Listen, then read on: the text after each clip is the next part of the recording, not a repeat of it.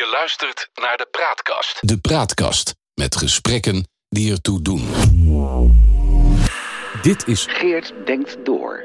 de periodieke politieke opinie op de Praatkast. De visie op politiek Den Haag volgens Geert Dales. Stem Victor Chevalier, tekst Geert Dales.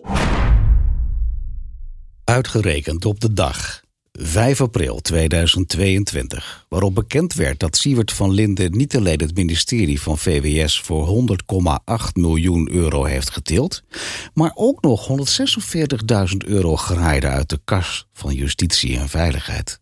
Voor leverantie van schorten en zelftesten aan de dienst justitiële inrichtingen verzamelden zich in de Torbekkenzaal van de Tweede Kamer de leden van de Commissie voor Volksgezondheid, Welzijn en Sport om bijgepraat te worden door het consultancy- en accountantsbureau Deloitte over het lopende onderzoek naar de handel in mondkapjes en aanverwante persoonlijke beschermingsmiddelen.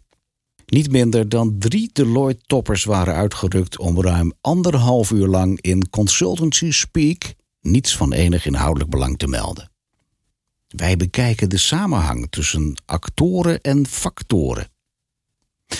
Nadat in 2021 het Siewert-schandaal naar buiten kwam, bestelde toenmalige zorgminister Tamara van Ark van de VVD een onderzoek bij Deloitte naar de deal met Van Linde, Bernd Damme en Camille van Gestel en hun Relief Goods Alliance, waarmee ze onder valse voorwendselen een gezamenlijke winst in de zak staken van circa 30 miljoen euro bruto. Na aftrek van belastingen was het voor ruim 9 miljoen kassa voor Sievert, die daarmee zijn CDA-connecties en mediabekendheid verzilverde. Zijn companen gingen ieder met 5,5 miljoen naar huis. De deal stonk. En dat wilde de Kamer en Van Ark onderzocht zien. Tevens kreeg Deloitte opdracht alle andere deals in beschermingsmiddelen te onderzoeken.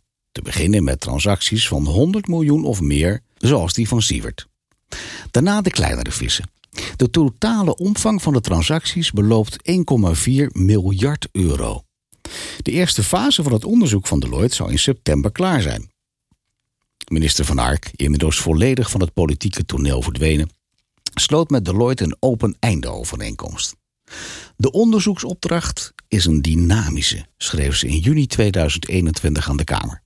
Want ik geef de onderzoekers de ruimte om de rijkwijde van het onderzoek uit te breiden.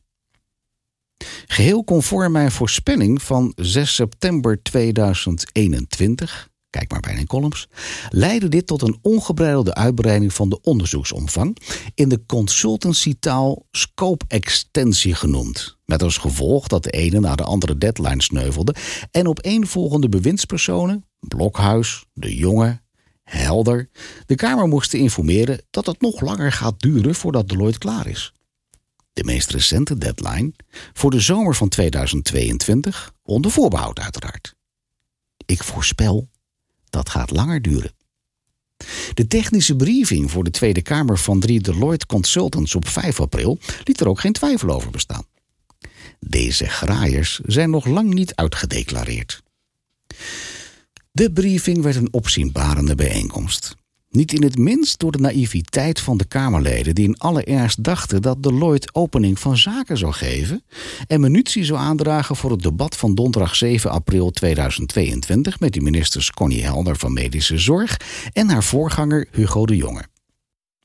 Het is heel uitzonderlijk dat wij een procesupdate verzorgen voor iemand anders dan onze opdrachtgever, sprak Deloitte consultant Geddy Lenting waarmee hij er geen misverstand over liet bestaan dat de Kamerleden niets te verwachten en nou helemaal niets te eisen hadden. De opdrachtgever is immers VWS. Na een inderdaad zeer procesmatige uiteenzetting, zonder het minste inhoudelijke detail, wij moeten voldoen aan eisen van zorgvuldigheid, objectiviteit en onafhankelijkheid, moeten alles in samenhang bekijken en kunnen geen feiten uit de context lichten. Nou, klaagde het ene na het andere Kamerlid het gevoel te hebben er voor Piet, nou, die met, die, met dat, uh, die vieze achternaam zeg maar, bij te zitten. De reden voor het aanvragen van deze discussie was de bemoeienis van Hugo de Jonge met de Sievert-deal. Maar daar hoor ik niks over. Jammer de Partij van de Arbeid Kamerlid Adje Kuiken. Ik kwam hier om geholpen te worden voor het debat van aanstaande donderdag, sputterde Farid Azarkan van Denk. Donderdag is een belangrijk debat. We vroegen het kabinet om een feitenrelaas. Maar nu krijgen we een technische briefing. Uh, we weten helemaal niks en er komt hier kennelijk ook niks. Wat heb ik hier aan? schapperde BBB Caroline van der Plas. Hoe zit het nou met dat privémailgebruik van de jongen? probeerde Kuiken opnieuw. Fleur Agema van de PVV meende helemaal op het verkeerde been gezet te zijn door Hugo de Jonge. Hij zei dat het feitenrelaas hem zou vrijspreken, maar we krijgen nu helemaal geen feitenrelaas. Kunt u dan niet laten weten of u een of meer gevallen van foute deals heeft aangetroffen? Hengelde Vormen voor Democratie Pepijn van Houwelingen. Maar ook vergeefs. En overbodig, want Deloitte had al van meet af aan en bij herhaling benadrukt geen enkele inhoudelijke mededeling te kunnen doen. De afmaker kwam van SGP-fractievoorzitter Kees van der Staaij. Gebeurt het vaker dat een beperkt onderzoek over maar één onderwerp zo ontzettend uitdijt? wilde hij weten, kennelijk onbekend met de colportagepraktijken in de consultancywereld, waar uurtarieven van 300 tot 600 euro, exclusief BTW overigens, gangbaar zijn. Beleefd antwoordde een van de Deloitte-medewerkers dat de scope-extensie vier oorzaken had: aanvullende wensen van de opdrachtgever, toezeggingen naar aanleiding van Kamervragen, onze eigen onafhankelijke rol en meldingen die waren binnengekomen bij het meldpunt dat Deloitte had ingericht. Desalniettemin stelde hij: Wij voeren exact de scope uit. Van der Staaij keek glazig en zweeg maar verder. Deloitte meldde 4000 gigabyte aan data te hebben ontvangen.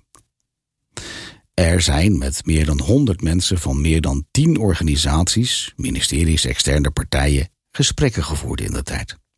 Meer dan 400 datahouders zijn geïnventariseerd.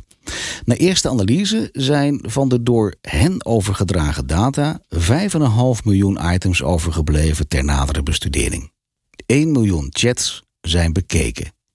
Voor een beschrijving van het tijdsgericht, dat wil zeggen het gesternte waartegen een beoordeling van de data moet worden afgezet, zijn meer dan duizend bronnen geraadpleegd.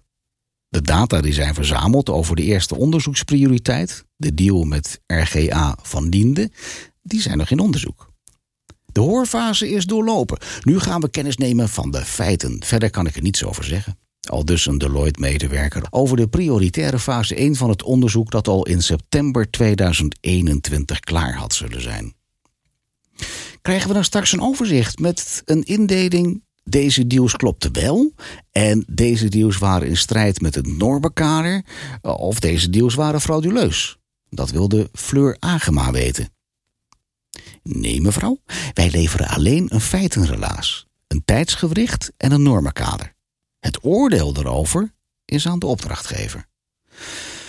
Een kind kan de vervolgopdrachten aan Deloitte zien aankomen. Scope-extensie, zullen we maar zeggen. De meest relevante vraag die werd gesteld kwam van Pieter Omzicht. Wat kost dit onderzoek eigenlijk? Exact dezelfde vraag stelde ik op 23 maart, 28 maart en 31 maart aan drie opeenvolgende woordvoerders van het ministerie van VWS. Ik vroeg naar de stand tot nu toe en de gehanteerde uurtarieven. Net als omzicht tijdens de technische briefing kreeg ik geen antwoord. Zelfs niet een beleefdheidshalve. Dat vertellen wij u niet. Nee, gewoon niks. En daarom heb ik op 5 april aan de woordvoerder corporate van de VWS, Ruben van Dorsen, gevraagd of het niet raar is dat mensen die zich woordvoerder noemen, zwijgen. Ik geef hem een dag of twee en dan trek ik aan wat hoger gelegen bellen. Het is zonneklaar dat hier iets te verbergen is. De, de open-einde afspraak van Tamara van Ark is door Deloitte gretig aangegrepen om ad finitum verder te researchen. Met die bizarre sessie van 5 april 2022 als tussenstation. 4000 gigabyte. 5,5 miljoen items. Duizend geraadpleegde bronnen voor het opstellen van een tijdsgewricht. Wie verzint zoiets? En het eind is nog lang niet in zicht. Ik durf niet alleen de voorspelling aan dat de actuele deadline voor de zomer van 2022, net als alle andere eerdere deadlines, niet gehaald worden. Maar ook dat de kosten van dit onderzoek de winst van Sievert van Linden minstens met een factor 2 gaan overstijgen. Twee Sieverts voor één onderzoek. Waarna minister Connie Helder een nieuw onderzoeksopdracht uitzet met als vraag: hoe heeft dit zo uit de hand kunnen lopen? Sievert en zijn kornuiten graaiden onder valse voorwenselen. Deloitte graait onder onderzoekstechnische voorwenselen, verpakt in consultancyverhaaltjes. En Kamerleden zitten erbij en kijken ernaar. Was getekend Geert Dales, 6 april 2022.